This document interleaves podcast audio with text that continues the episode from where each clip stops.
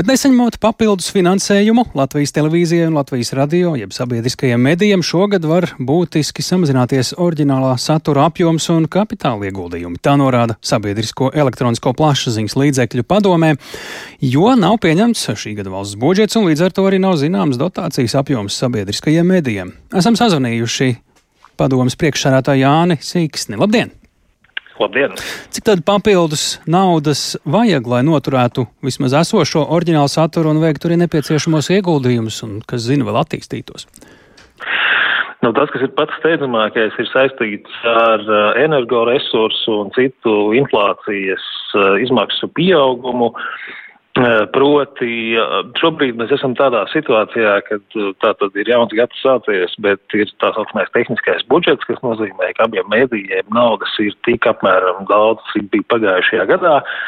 Tas, kas ir mainījies, ka mēs zinām, ka ir ļoti daudzas lietas kļuvušas dārgākas. Vispirms jau viss, kas ir saistīts ar, ar energoresursus patērējošām lietām, un Latvijas rādio gadījumā tie ir apraides torņi visas Latvijas teritorijā, kuru sadārdzinājums, lai tie darbotos un cilvēki varētu dzirdēt radio, ir vairāk nekā 600 tūkstoši eiro, plus vēl, protams, ir izmaksas sēkas uzturēšanai un citas televīzijas gadījumā arī Mūsu lūgums papildus finansējumam ir 800 tūkstoši ēkas energoresursu sadārdzinājumam, vēl citas lietas, kas kopā ir apmēram miljons.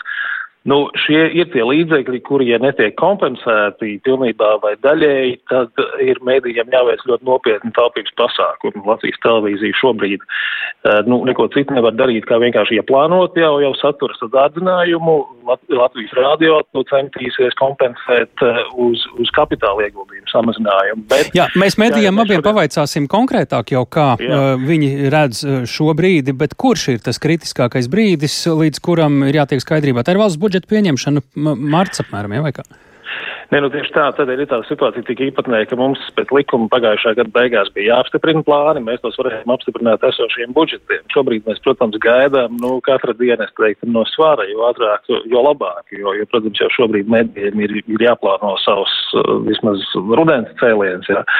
Un to ir ļoti grūti izdarīt, ja ir tādi caurumi budžetos. Tā kā, nu, mēs, mēs ļoti ceram, ka, ka, ka tas process valdībā ies pēc iespējas ātrāk uz priekšu, un mēs jau mm -hmm nu, cerams, tuvāko nedēļu laikā varēsim saprast vismaz apmēram, uz ko mēs varam cerēt. Šeit eh, tiek piesaukts arī tāds apzīmējums kā informatīvās telpas drošība.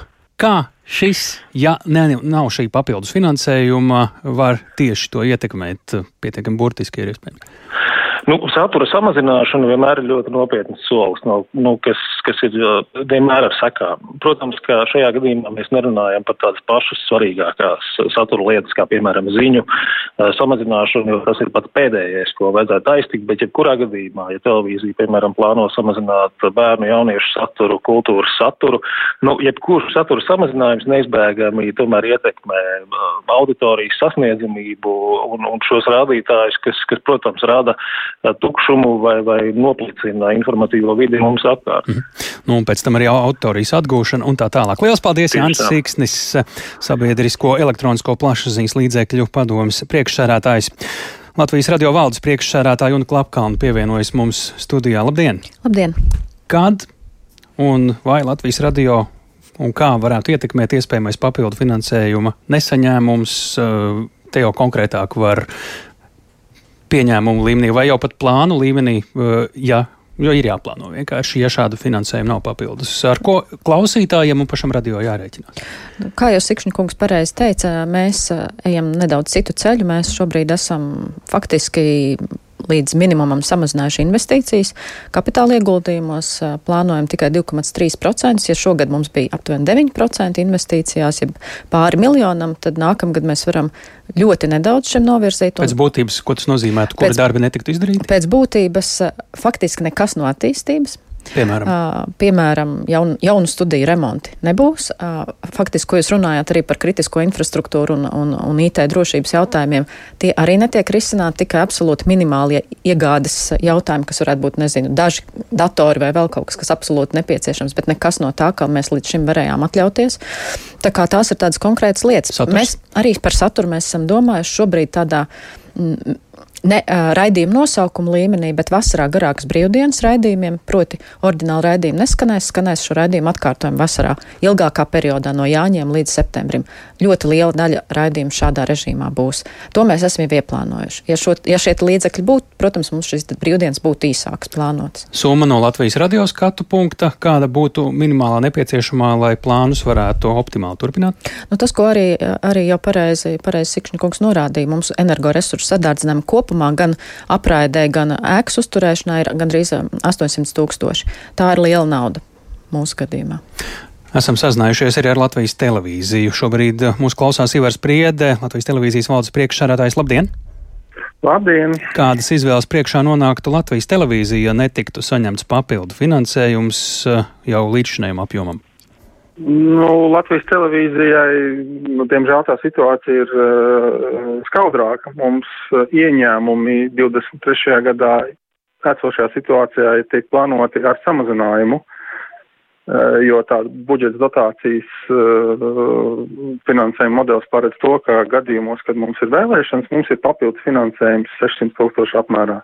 Līdz ar to Latvijas televīzijā mēs runājam par tehnisko budžetu. Uh, jau ir ieplānots uh, 600 tūkstošu samazinājums, kas pie esošiem apstākļiem ir, ir, ir ļoti sāpīgs uh, finanšu spiediens. Bet uh, Latvijas televīzija esošajā situācijā lielākoties rēķinās ar trīs mēnešu satura izveidas pasūtījumiem redakcijām. Protams, ka ir spērti soļi gan attiecībā uz uh, satura vienībām, kas nav ziņas, uh, kas neveido, nu, sauksim tā, mugurkaulu televīzijā. Protams, mēs uh, runājam arī ar neatkarīgiem producentiem par izmaksu budžeta samazinājumu. Kas tad ir nu, satura ziņā zem visreālākā sitiena, nu, ja netiek papildus par, par, finansējums piešķirts?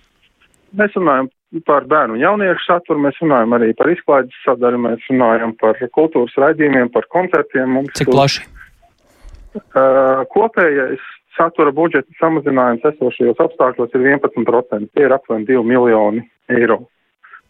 Paldies par sarunu. To mēs sakām Ivaram Priedim, Latvijas televīzijas valdes priekšsādātājam, un arī paldies Unai Klapkalnei, Latvijas radio valdes priekšsādātājai.